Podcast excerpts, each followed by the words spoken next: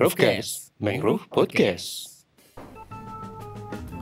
Halo semua, ketemu lagi dengan kami bertiga di episode Roofcast yang ke-9 9 oke.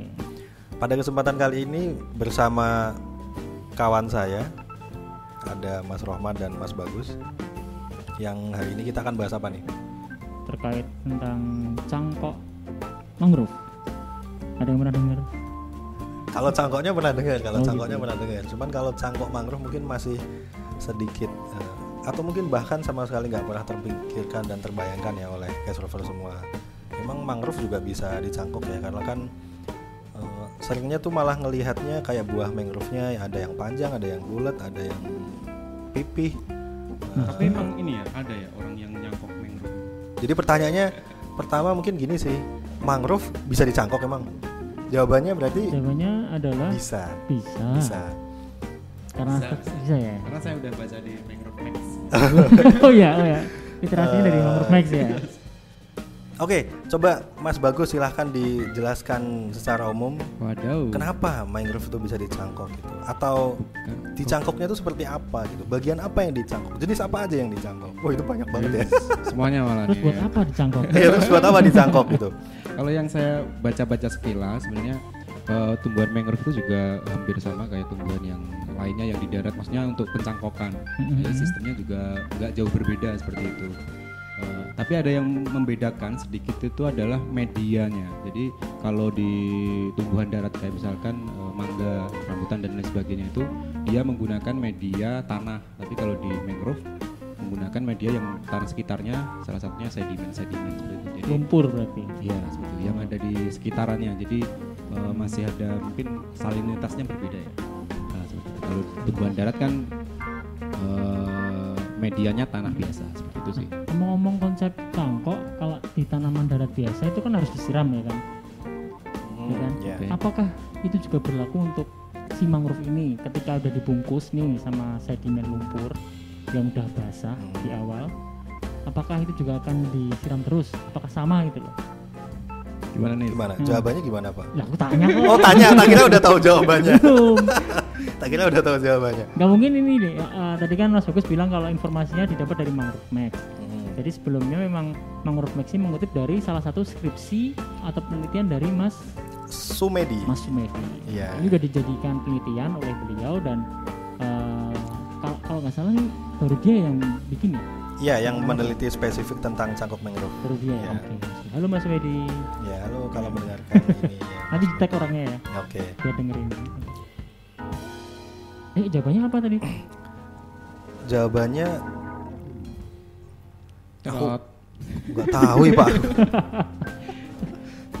ini kalau di bacaan di yang referensi kedua fakta ah, paktanidigital.com eh paktanidigital.com ini ada menyirami air. Jadi agar mendapatkan hasil yang maksimal, Anda harus memberikan air setiap hari untuk cangkok tanaman yang Anda inginkan. Mm-mm. Oh, sorry. Ini berarti cangkok yang tumbuhan darat. Tadi kan pertanyaan untuk mangrove Iya, apakah ah, seperti itu? apakah seperti itu Oke. Saya belum menemukan tekniknya.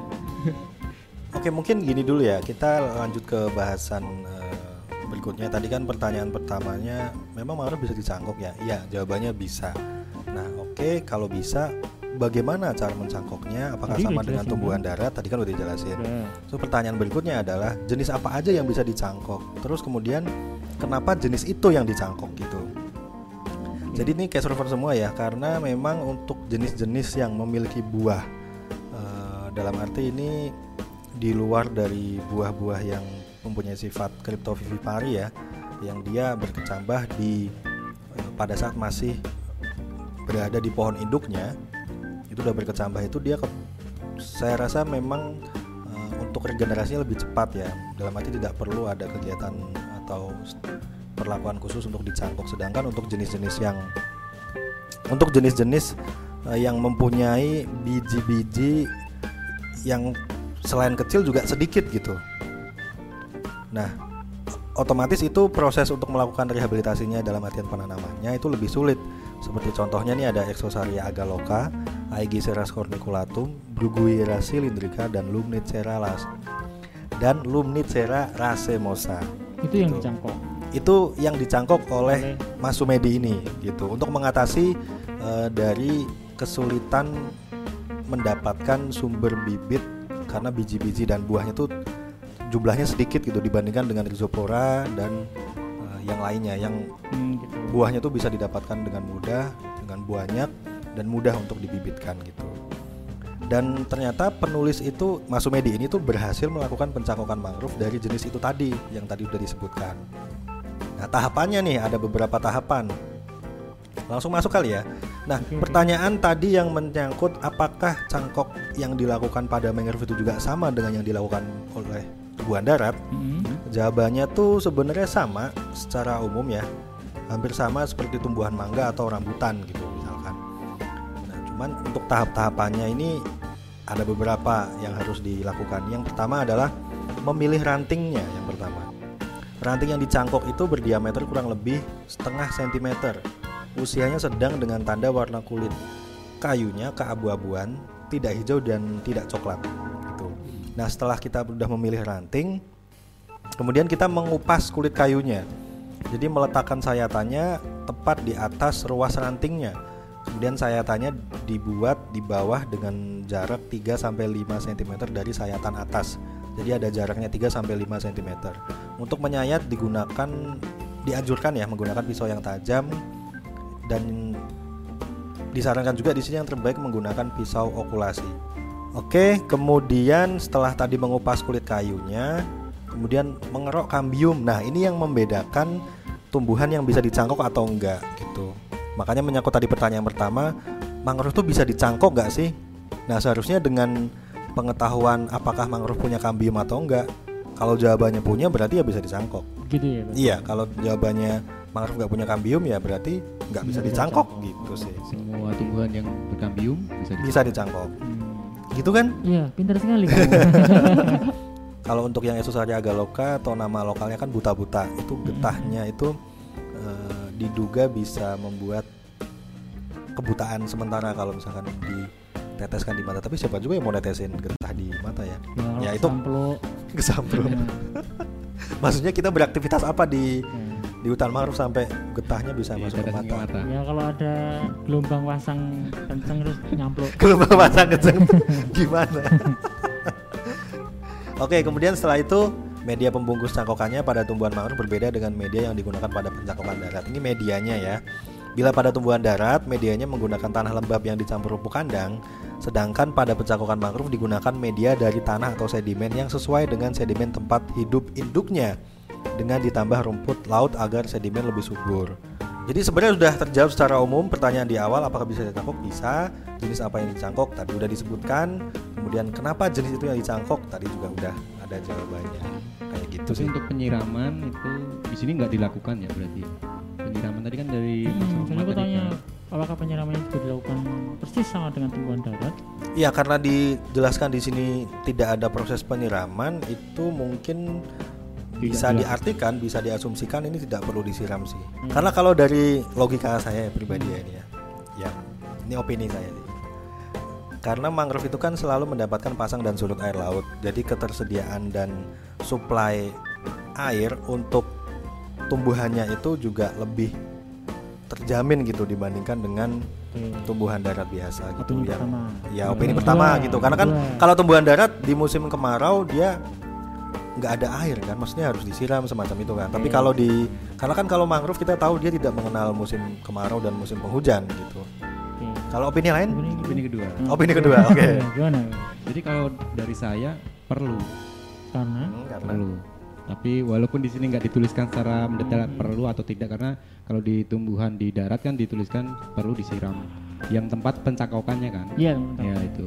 Jadi kalau pasang surut dia kan kenanya akar yang bawah kemungkinan. Tapi eh, di sini kan didiamkan sampai kalau nggak salah berapa bulan. Jadi Mm-mm. mungkin ada beberapa kali penyiraman biar merangsang akarnya lebih cepat lagi kalau saya mikirnya seperti itu sih. Wah, iya. Log- eh, oke. opini saya seperti itu. Oke, oke. Oke. opini Ada ketiga Udah kan yang nanya. Oh, kamu yang nanya aku masa ngasih topik. oh iya iya iya oke oke Jadi untuk perbedaannya mungkin yang tadi ya media sama mungkin juga yang penyiramannya. Jadi di, ta- di darat tumbuhan darat disiramin di mangrove tidak disiramin. Jadi kan di sini metodenya nggak dituliskan. Oke. Berasumsi bahwa itu ya nggak disiram. Iya, tidak. Untuk penelitian ini ya, berarti ya. Mhm. Oke. Oke, terus ini eh, hasil penelitian dari Mas Sumedi.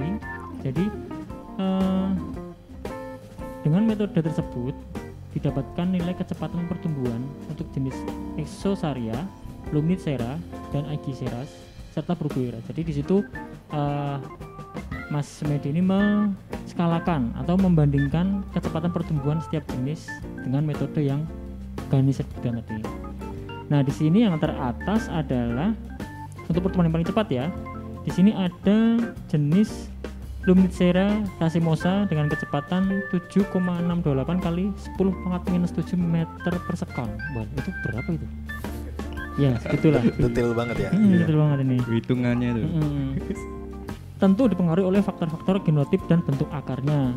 Jadi mengapa percepatan pertumbuhannya berbeda-beda itu dipengaruhi oleh faktor-faktor genotip dan bentuk akarnya. Terus kemudian eh, ini jadi pertanyaan nih. Jenis-jenis ini kan eh, selama ini eh, orang anggap bukan jenis yang menjadi prioritas dalam proses rehabilitasi Betul. ya kita masih masih mengangkat isu-isu kerusakan mangrove di Indonesia lah kan untuk jenis ini kan enggak kan ya Yang kan? dicangkok ini. Ah, ya. Ya. kenapa Mas Medi ini berjuang keras meneliti cangkok mangrove untuk jenis ini kenapa enggak jenis yang lain Oke, ini saya sedangkan kebutuhan bibit yang prioritas di Indonesia saat ini bukan jenis-jenis ini gitu monggo ya, saya punya jawaban yang barangkali sangat berhubungan dengan konsep rehabilitasi mangrove selama ini yang sudah dilakukan ya. Mhm. Jadi ini juga saya pernah bahas di video di Mangrove Max ya yang judulnya adalah monokultur berbahaya bagi mangrove. Monokultur. Monokultur itu adalah salah satu eh, sistem penanaman mangrove yang mengandalkan hanya satu jenis atau satu spesies mangrove saja. Contohnya Rhizopora aja, Avicennia aja, semacam itu. Nah, eh, konsep monokultur ini seharusnya mulai nggak cuman mulai sekarang seharusnya sejak dulu sudah mulai ditinggalkan gitu. Kenapa? Karena dengan kita mengutamakan dan mengaplikasikan multikultur dalam artian kegiatan rehabilitasinya itu menggunakan atau melibatkan spesies yang tidak hanya satu jenis saja. Contohnya misalkan nanamnya ada tiga jenis, ada Rhizopora, ada Soneracia, kemudian ada Avicennia. Nah, itu harusnya yang sudah mulai kita lakukan sejak dulu. Ya intinya monokultur itu sangat berbahaya bagi mangrove. Kenapa? Bagi ekosistem ya. Kenapa? Karena kalau misalkan hanya dengan satu jenis, otomatis nanti eh, ada salah satu biota yang itu nanti bisa mengganggu keseimbangan dari kawasan ekosistem itu. Karena di alam sejatinya mangrove itu dia nggak hanya hidup dengan kondisi satu jenis aja tapi dia kan punya zonasi tuh punya zonasi. Jadi eh, dengan melibatkan banyak jenis untuk kegiatan penanaman keseimbangannya itu nanti akan berjalan dengan baik gitu sih. Setelah adanya metode cangkok mangrove nih dari Mas Medi terus kemudian eh, biar bisa diterapkan oleh masyarakat luas kelebihannya apa sih Jadi kalau saya baca dari artikelnya ada 8 poin kelebihannya. Salah satunya itu ada tanaman memiliki sifat seperti induknya. Dua, bebas menentukan spesies yang kita kehendaki. Tiga, waktu yang diperlukan untuk perbanyakan relatif singkat. Empat, jumlah perbanyakan bibit dapat lebih banyak, murah dan mudah dilakukan. Enam, bebas dari ancaman kepiting dan gastropod. Ketujuh adalah tumbuhan mangrove yang mempunyai buah sedikit dan kecil-kecil yang sulit diperbanyak dengan sistem perbanyakan alami atau persemaian bibit akan mudah dilakukan dengan sistem cangkok. Delapan dapat dilakukan kapan saja. Oke mungkin cukup sekian ya dari kami ya Cukup. Eh, saya Rohmat saya Ganis Saya bagus. terima Sekian- kasih sekian Oh, saya Oke eh, demikian eh, Roofcast kali ini Eh, saya Rohmat saya Ganis Dan saya bagus. sekian terima Terima kasih. kasih